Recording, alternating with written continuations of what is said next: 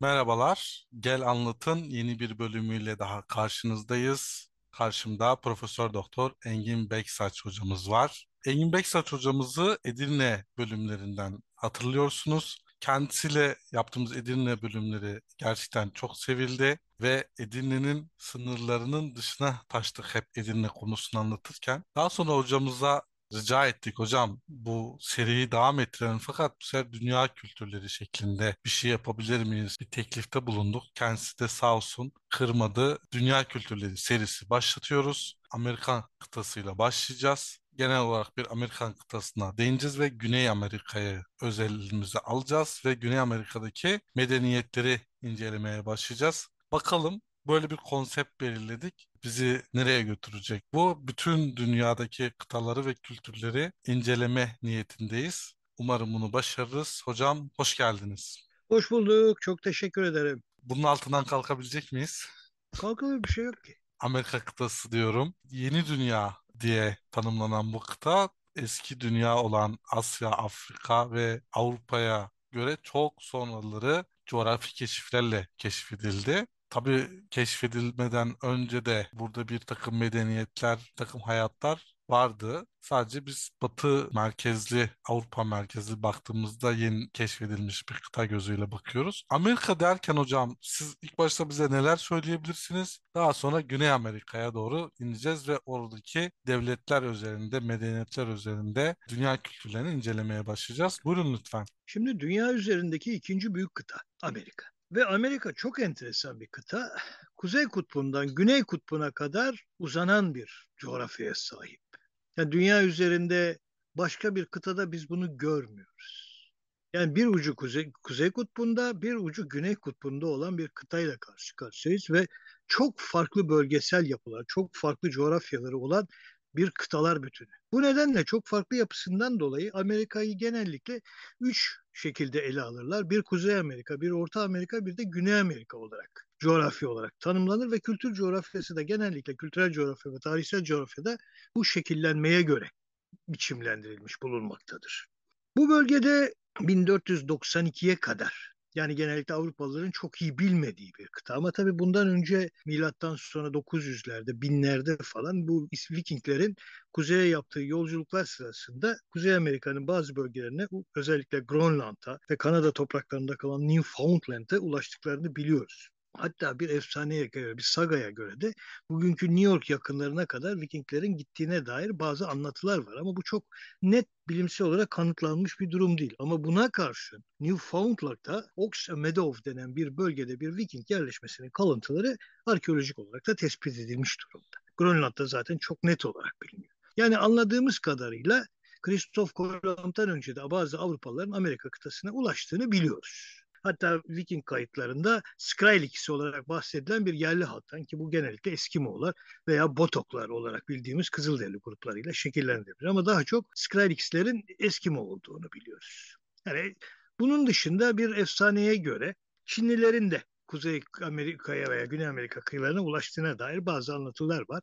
Ama çok net değil. Yani bu çok netleşmiş bir durum değil. Bunun dışında da özellikle Peru üzerinden Güney Amerika'dan Pasifik üzerine doğru yolculuklar yapıldığına dair bazı anlatılar yapıldı. Hatta Thor Heyerdahl tarafından Kontiki olarak bilinen bir sefer yolculuğu yapıldı. Burada da bir Polinezya'da bulunan Paskalya Adası'nın Peru üzerinden gelenler tarafından yönlendirildiğine dair ve eskan edildiğine dair tez ileri sürüldü. Bu da çok fazla bugün artık kabul edilmeyen bir tez olarak karşımıza çıkıyor. Her ne olursa olsun Amerika kıtaları çok değişik kültürlerin, çok farklı kültürel yapıların var olduğu bir kıta.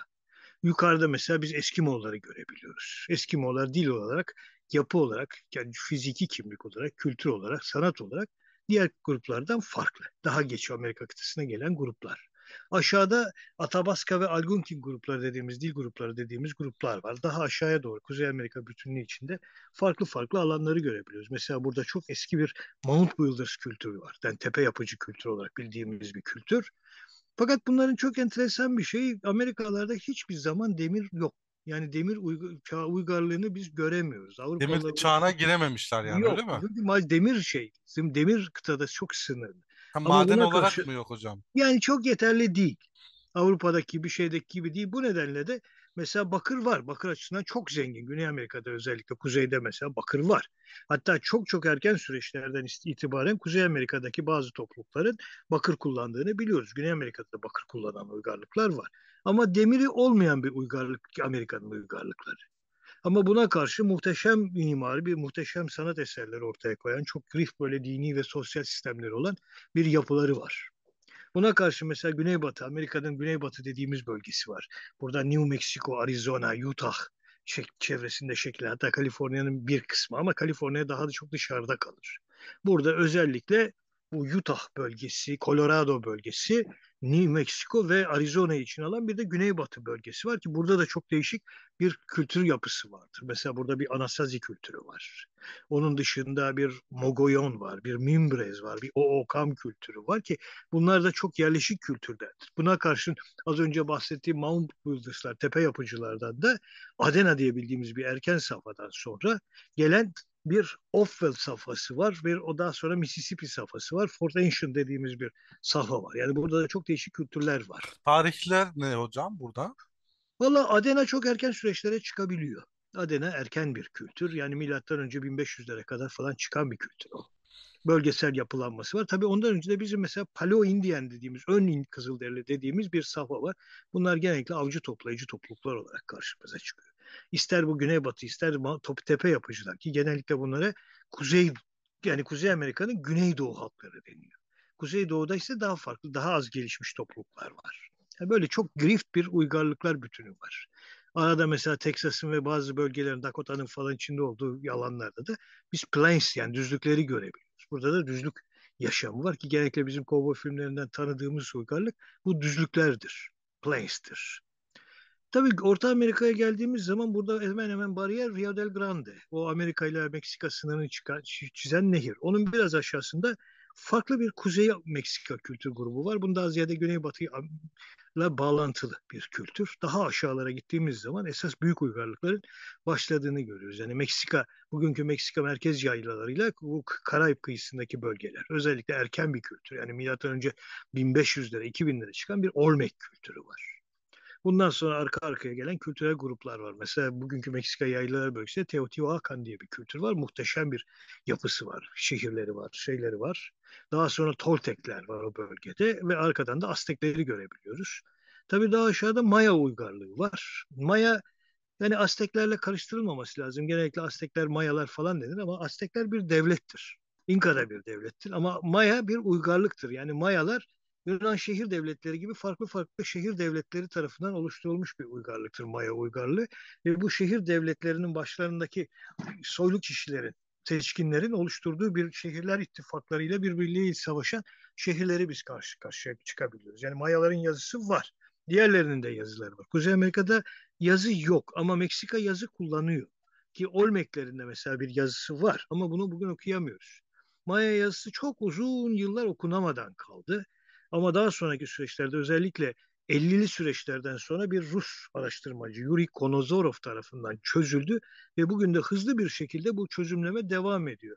Yani Maya yazısı daha çok Çin karakterlerine, yani Çince'nin karakter yapısına benzeyen bir özelliğe sahip bir yazı. Ama çok gelişmiş bir yazı sistemleri var. Tabii bunun dışında muhteşem bir astronomi bilgileri var Mayaların ve diğer Meksika uygarlıklarında ve muhteşem bir matematik bilgileri var ve özellikle korkunç bir takvim sistemleri var. Yani Avrupa takvim sisteminden çok farklı bir takvim sistemi yaratmış bir uygarlık bu. Batı Meksika kıyılarına gidince daha seviyeci alçak kültürleri görürüz. Daha aşağı indiğimiz zaman mesela Honduras'ın altında Honduras Mayaların son uzantısı. Daha aşağılarda Costa Rica, Nikaragua, Panama gibi bölgelerde de Salvador bir Maya bölgesi olarak Hocam, Salvador. Buyur Mehmet. Hocam şimdi siz Maya yazısının daha çok Çin uygarlığına Hı-hı. benzeşen öğeler olduğunu söylediniz ya. Şimdi evet. bütün insanlığın Afrika'dan çıktığı varsayımıyla konuşuyorum. Hı-hı. Beringa üzerinden bugünkü Bering Denizi'nin buzul çağında Şimdi, donmuş hali üzerinden Amerika kıtasına geçildiği bilgisi var. Yani bu takım teoriler şöyle, var. Şimdi çok Acaba farklı... Çin'den gelenler mi? Yani yazıda orada benzeşiyor Yok, ya. yazı çok daha sonraki bir süreç. Yani esasında erken süreç mesela bugün her geçen gün daha erken süreçlere gidiyor. Mesela 50 binlere 40 binlere çıkabiliyor Amerika'daki ilk insanın varlığı ve çok ilginç tezler var. Bunlardan bir tanesi mesela Amerikalı antropolog esas Çek asıllı bir antropolog Alex Hrdlička'nın tezi o. Bering üzerinden girmeleri ki en güçlü tez. Bunun dışında mesela Güney adalarından Amerika'ya çıkıldığı, Avustralya üzerinden gidildiğini söyleyen bir tez de var. Artık kabul görmüyor. Daha ziyade Paul Rivet gibi bir Amerikanistler, Fransız asıl Amerikanistler tarafından savunulan bir tezdi pek fazla bir şey görmüyor. Tabii bunun dışında başka bir tez daha var. Japonya'nın çok eski bir uygarlığı var. Jomon.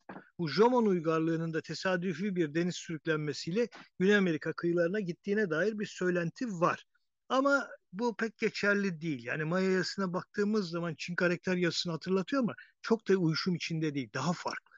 Yani sistem olarak harften çok bu mnemonik şeyleri kullanıyor. Karakterleri kullanıyor. Maya yazısı da öyle. Çeşitli anlam bütünlükleri yaratabiliyor. Çince'de de yani Çin'in karakter yazısında da aynı özellikler var. Bu nedenle farklı.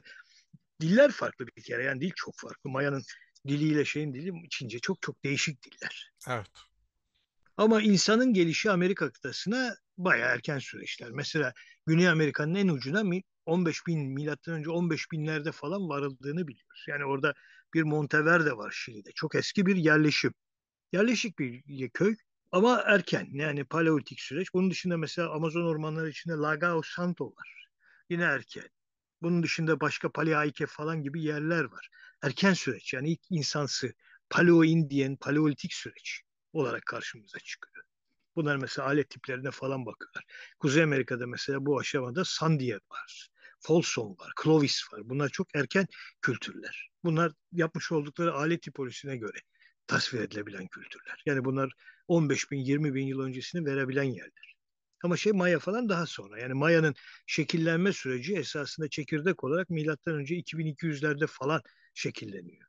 Ve Olmek kültüründen etkileniyor. Olmek Kar Karayip kıyısında Meksika'nın.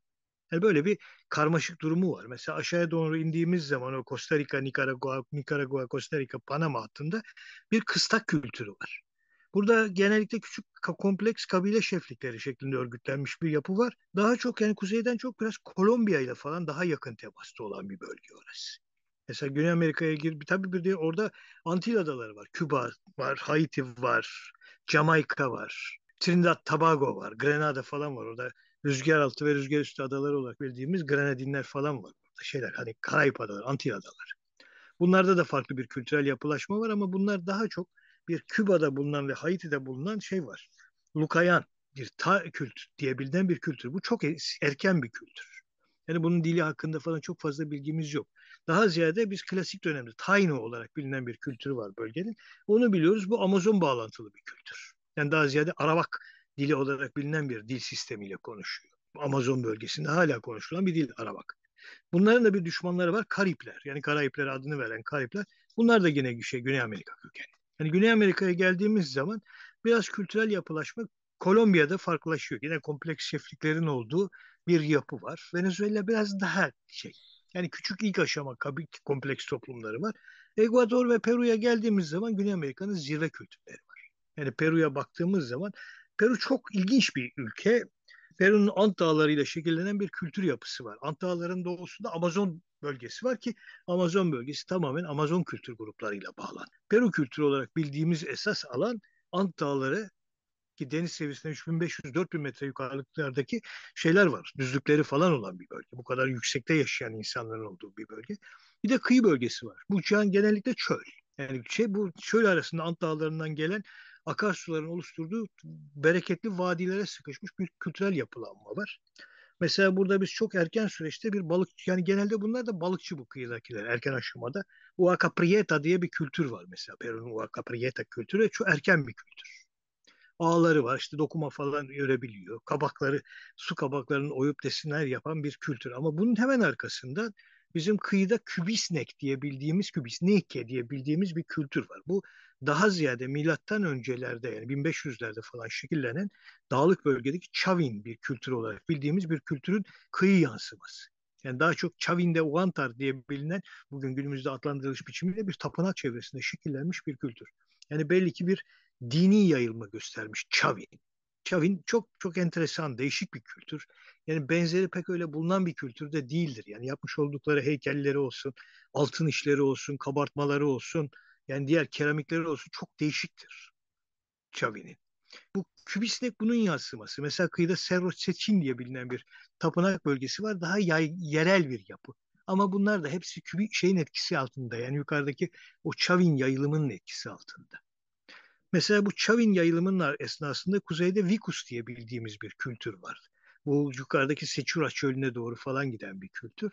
Bu daha sonraki süreçteki geçiş kültürleriyle temas eden bir kültür. Mesela bu arada bir şeyi görebiliyoruz.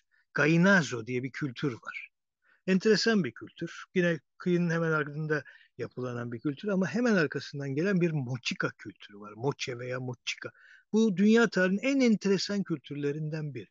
Çok değişik, çok çok güzel bir keramik işçiliği var bu mochikanın. Ve bunun dışında mesela çok fazla kalmasa da kalan dokumaları falan çok değişik. Altın işleri çok değişik. Metal işleyebilen bir kültür. Demir yok ama bakırı ve altını çok güzel işliyor. Çok güzel işler yapabilen bir kültür bu Mochika. Tabii kuzey buna biz ne diyoruz? Kuzey kıyı bölgesi adlandırıyoruz. Kuzey kıyı bölgesi uygarlıkları diyoruz. Mochika'nın hemen ardından Mochika bir şeye giriyor. Yukarıdan gelen yani Ant Dağları bölgesinden gelen bir kültür tarafından. Uari, Uari, Uari kültürü olarak bildiğimiz veya Uari Tiahuanaco kültürü olarak bildiğimiz bir kültürün işgaline oluyor. Ve bu arada mesela bir geçiş aşamasında Lambayekke kültürü dediğimiz bir kültür var ki bu Moche'nin uzantısı. Şeyin hemen ardından o Uari Vari'nin arkasından Chimu kültürü olarak bildiğimiz bir kültür daha var kıyıda. Kıyının arkasında Ankaş bölgesi, dağlarda falan daha farklı gelişmeler var. Mesela orada Rekuay kültürü diye bildiğimiz bir kültürel yapı var. Ortaya doğru geldiğimiz zaman, Peru'nun orta kesimine, Lima çevrelerine geldiğimiz zaman orada da Anko bölgesi olarak bilinen daha farklı yerel kültürler var.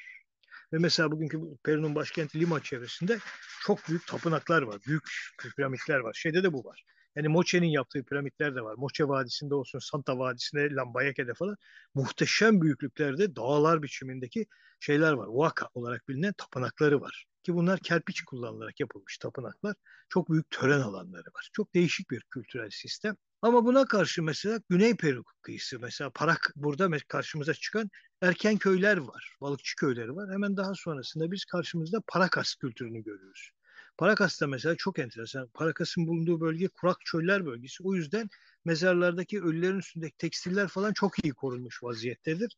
Ve bu tekstiller dünya sanat tarihinin en muhteşem örnekleri arasında yer alır. Mesela burada beyin ameliyatının falan yapıldığına dair bir iskelet kalıntıları var. Ki kullandıkları alet obsidyen yani metal yok. Taş, keskin taşlarla beyin ameliyatı falan yapan bir kültür.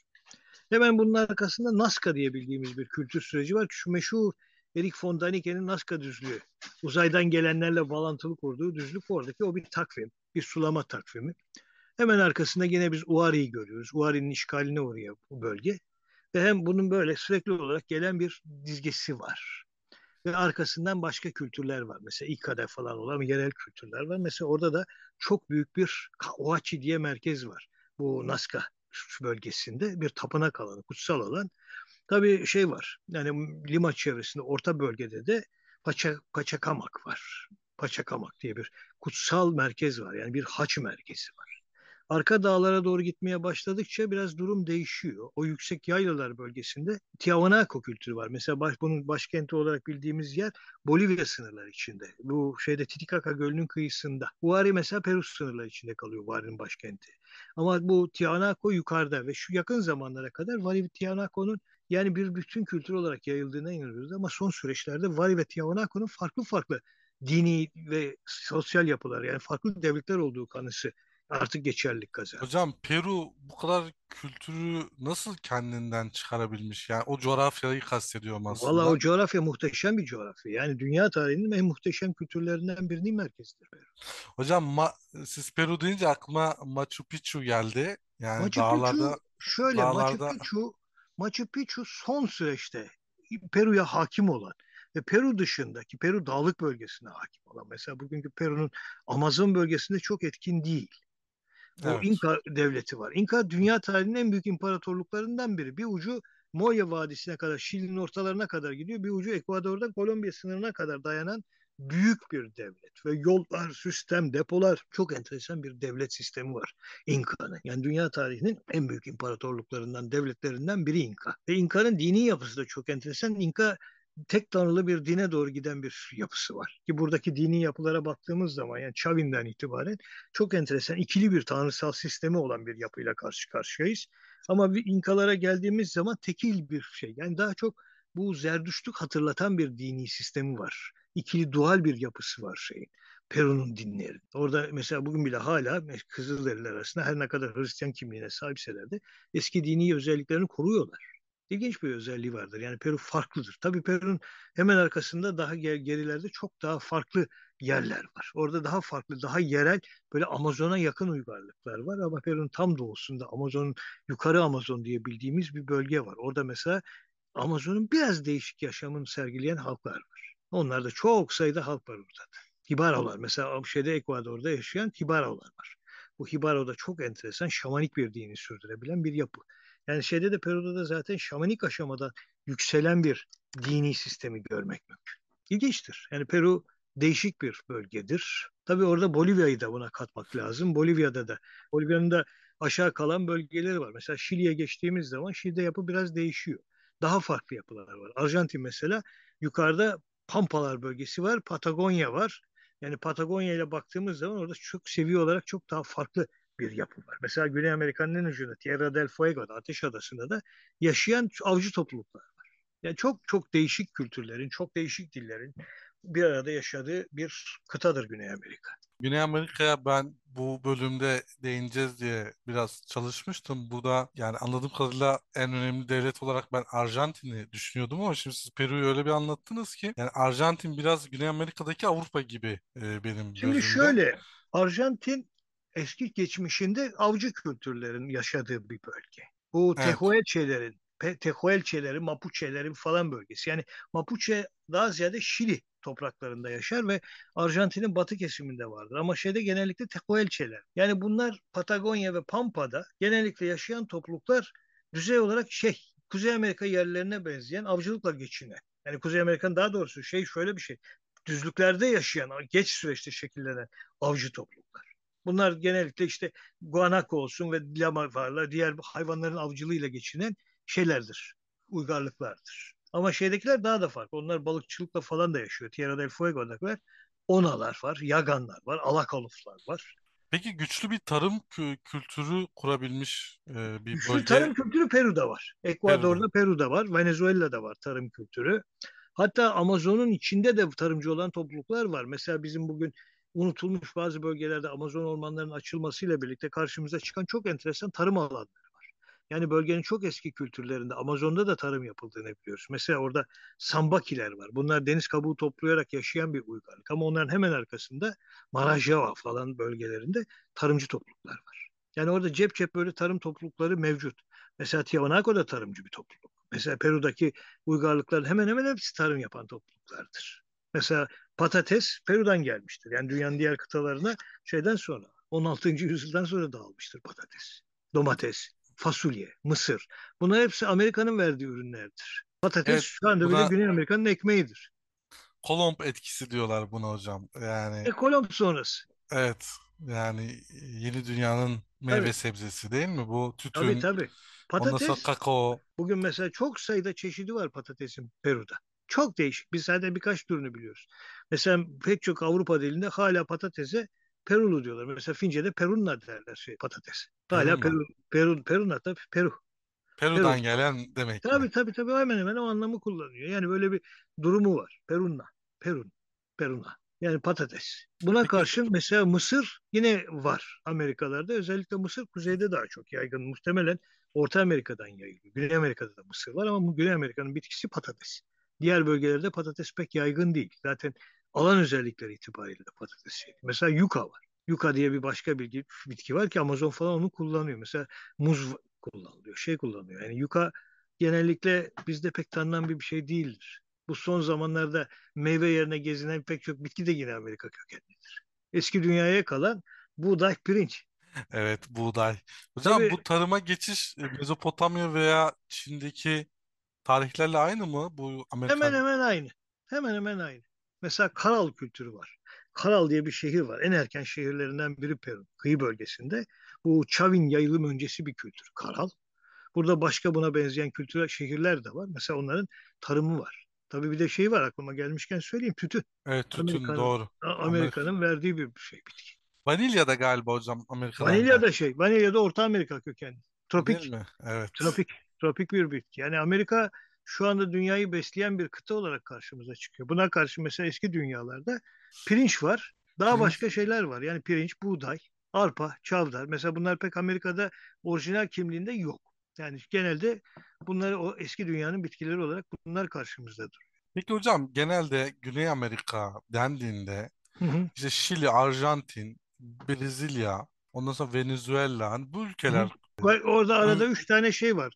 Guyanlar var. Fransız Guyanı, İngiliz Guyanı, ve Hollanda Guyanı. Şimdiki Surinam. ha, evet Surinam, Surina doğru. Surinam, Hollanda Guyan, Guyanı. Bu Uruguay Peru'nun var arada. Yani Uruguay olsun, Arjantin olsun çok büyük düzlükleri olduğu için sığır daha sonraki Avrupalıların gelişinden sonra sığır geliyor. Yani esas o bizim şu anda yetiştirdiğimiz sığırlar Amerika'da yok. At da yok. Yani at erken süreçlerde Amerika'da var ama şeylerle birlikte yani bu paleolitik sürecinin hemen ardında at yok oluyor Amerika'da. Onu muhtemelen avlayarak yok ediyorlar. Öyle bir yapısı var. Amerika çok değişik kültürlerin var olduğu bir yerdir. Mesela Brezilya tamamen ormanlar içinde kalan. Amazon kültürünün değişik biçimlerini gördüğümüz bir yer. Venezuela da öyle. Yani Venezuela'nın kıyı bölgeleri dağlık kesimi, o kıyıya doğru olan dağlık kesiminde Kolombiya ile hemen hemen irtibatlı olan fakat daha az gelişmiş yerel küçük çiftliklerin oluşturduğu bir sanat kimliği var. Ama bunun altındaki o mesela Varao'ların falan olduğu bölgede, Yanomami'lerin falan olduğu bölge direkt Amazon. Orinoco'nun falan bulunduğu bölge ve çok böyle ciddi bir şey kültürü var. Amazon kültürü var orada. Yani Amazon'un yerli toplulukları, orman içinde avcılıkla geçinen topluluklar. hala daha e, günümüz dünyasıyla temas etmeyen Var. e, Tek tük kabileler kabileler var. Var. evet. Brezilya'da da ama Venezuela'nın güneyinde de olduğu biliniyor. Hatta yani Bolivya'nın da bazı bölgelerde bazı kabileler var. Çok az teması olan kabileler. Böyle kapalı bir bölge. Peki hocam daha enteresan en kuzeyi Grönland, en Grönland. güneyi ne Grönland, an Kuzey Kanada yani evet. Nunavut bölgesi olarak bilinen bölge Alaska. Tabii Alaska'nın yanında da bizim Aleut Adaları diye bildiğimiz böyle Asya ile Amerika arasında bir dizi ada var. Onlara da biz şey diyoruz Aleut. Onlar da farklı bir kültür Aleutlar. Eskimo değil. Yani daha değişik bir kültür Aleut kültürü. Onlar genellikle balina fok avcılığıyla falan Eskimolar gibi yaşayan bir halk. Daha aşağıda Kuzeybatı kıyısı diye bildiğimiz bir bölge var. Onlar da balıkçı ama onlar şey somon balığı falan yaşıyor. Yerleşik, çok gelişmiş bir kabile sistemi olan, şeflikleri olan, hiyerarşisi olan bir uygarlık var orada. Bu Labrador denizinin o, o tarafı mı Labrador kastediyorsunuz? yukarıda, Labrador'da Eskimo kültürü var. Onun biraz aşağısında da Batuk falan diye bildiğimiz Kanada toplulukları var. Onlar genellikle Atabaskan dili konuşan gruplar. Algonkinler daha batıda. Hocam ortaya geldiğimizde bana ilginç gelmişti. Batı Hint adaları demişler şu Karayiplerin Batı Hint adaları şeyler, Karayip adaları. ya Batı Hint denmesinin sebebi bunlar Hindistan'ı keşfe Christoph gittikleri Kolomb. Christoph Batı bugün hala bile American Indian diye terimini kullanırız. Amerikan Hintlileri. Evet. Kızılderililere pek çok yerde artık pek kullanılmasa da ama genellikle kullanıyor. Indio, İspanyolcası. Şey, Christoph Kolomb'un Hindistan'ı, hani Amerika'yı bu şey, Çin, uzak doğuyu bulacağım hevesiyle yola çıkmasından sonra gittiği zaman bunları gördüğü zaman bunları Hintli zannediyor. Hindistan'a ulaştığını zannediyor. O nedenle kullandığı terim Hintli. Esasında Hintli değiller tabii. Yani Şey Hindistan'da oradaki adalara da batıdan gidilen Hint adası Batı denmesi Hint adaları, Batı Hindistan'daki Hint adaları. Batıya doğru evet. gidiyor aslında Hint adaları diyor. Şeyin e, hocam en güneye geldiğimizde yine bir başka soğuk böyle Şey, şey Antarktika'yla şey Antarktika'ya uzanan şey var. Tierra del Fuego, Magellan'ın yanan ateşlere göre ateş adası dediği yer. Tierra del Fuego, ateş toprakları. Ateş adası. Tierra del Fuego. Orada da şeyler var. Yine avcı topluluklar var. Avcı toplayıcı topluluklar var. Mesela Yaganlar balıkçılık yapıyorlar. Onalar şey avlıyor. Guana avlıyor. Guanalara, guanaları avlıyorlar. Lama falan türü hayvanları avlıyorlar. Mesela orada Yamanalar var. Onlar da toplayıcı yapısı olan topluluklar. Onlar Güney Patagonya halkları olarak biliniyor. Onlar da çok yani seviye olarak şey değil. Avrupalılar vardığı zaman çok yüksek düzeyde bir uygarlıkları yok. Daha doğrusu uygarlıkları var da teknolojik açıdan şeyler. Düşük seviyedeler. Peki hocam bugün baktığımızda o kültürlerden geriye kalan ne vardır diyebiliriz. Fazla bir şey yok ama hala kimliğini koruyor. Mesela Peru'da Quechua kültürü hala canlı. Aymara kültürü hala canlı. Dillerini koruyorlar. konuşuyorlar. Ekvador'da pek çok Kızılderili kültürü hala kimliğini koruyor. Yani oradaki Katolikleşmeye rağmen adamların Katolik yapısı çok değişik. Yani Hristiyanlıkları çok farklı. Eski kimliklerini sürdürebilen yani bir senteze ulaşmış durumdalar. Yani Avrupalıların bütün katliamlarına, baskılarına rağmen adamların kültür kimliği hala ayakta. Mesela burada Şili'de mesela Mapuche var, Arukanlılar. Onlar da öyle.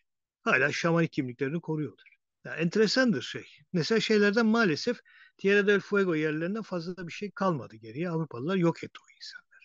Tabii Amerika kıtası dünya tarihindeki en büyük zulümlere uğrayan kıtalardan biri. Avrupalıların en büyük katliam yaptığı yerlerden biri. Bugün Amazon'da hala hani Brezilyalıların yaptığı katliamlar inanılmaz boyutta. Tarım alanı açmaktan mı bahsediyorsunuz? Yok yani Kızılderililere yapılan katliamdan bahsediyorum.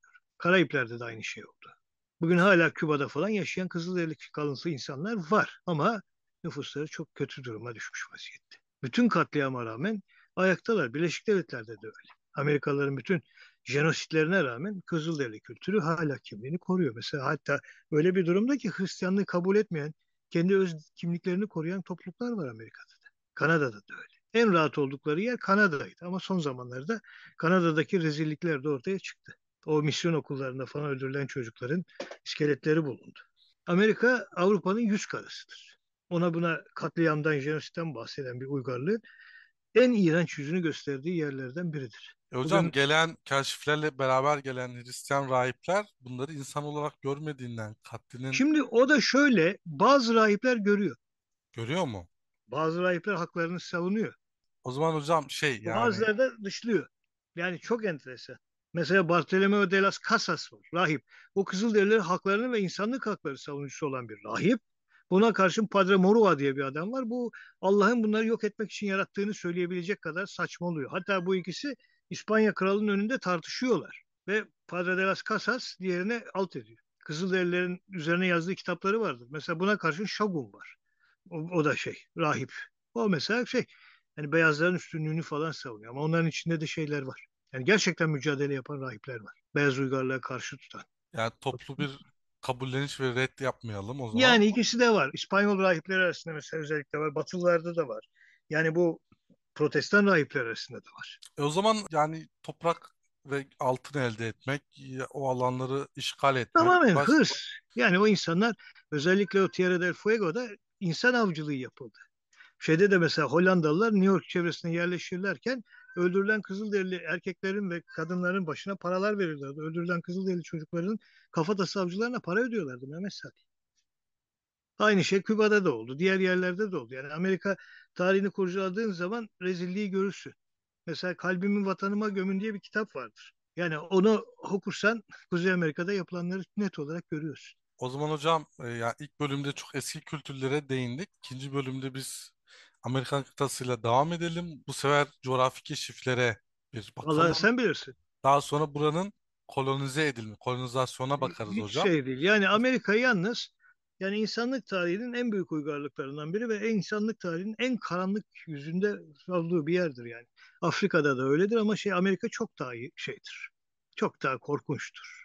Yani verilen mesela getirilen erkeklerin kafatası için iki gulden, kadın kafatası bir gulden, çocuk kafatası yarım gulden falan. Böyle ilanlarla kafatası toplayıp insanlar katlediliyordu. Ve bunu yapan Hollandalılardı. New Amsterdam'da yani bugünkü New York çevresinde. Evet. Daha sonra da aynı şey tekrarlandı. Yani burada ister İngilizler, ister Fransızlar, ister Almanlar hiç fark etmiyor. İster İspanyollar. Yani Avrupalıların hepsinin Amerika'da şeyi var. Elleri kanlı yani hepsinin burada. Evet. Yani bir tek belki İtalyanların yok ama İtalyanların da Afrika'da var yedikleri herzeler. Evet. Hocam. Portekizlerin de mesela Portekizlerin de Brezilya'da var.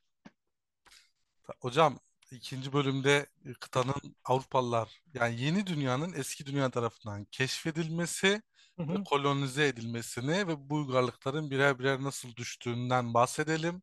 Olur. Ee, yine belki Peru gibi başka bir devlete biraz detaylı gireriz. Zannedersem burada Amerika Birleşik Devletleri'ne gireceğiz. Ee, Hepsinde aynı şey var. Yani benzer olaylar var mı? Mesela. O zaman hocam ikinci bölümde e, bu Tamam. konuyu konuşalım. Ee, gel Tamam. anlatın bu bölümde Dünya Kültürleri bölümünün birincisinde e, Amerika kıtasını genel olarak anlattık. İkinci bölümde Kolomb'un Amerika'ya gelişinden ve sonrasındaki kolonizasyondan bahsetmeyi planlıyoruz. Tamam. Çok teşekkür ederiz hocam. Ben teşekkür ederim. Görüşmek Sağ dileğiyle olun. herkese. Görüşmek İyi üzere. Günler.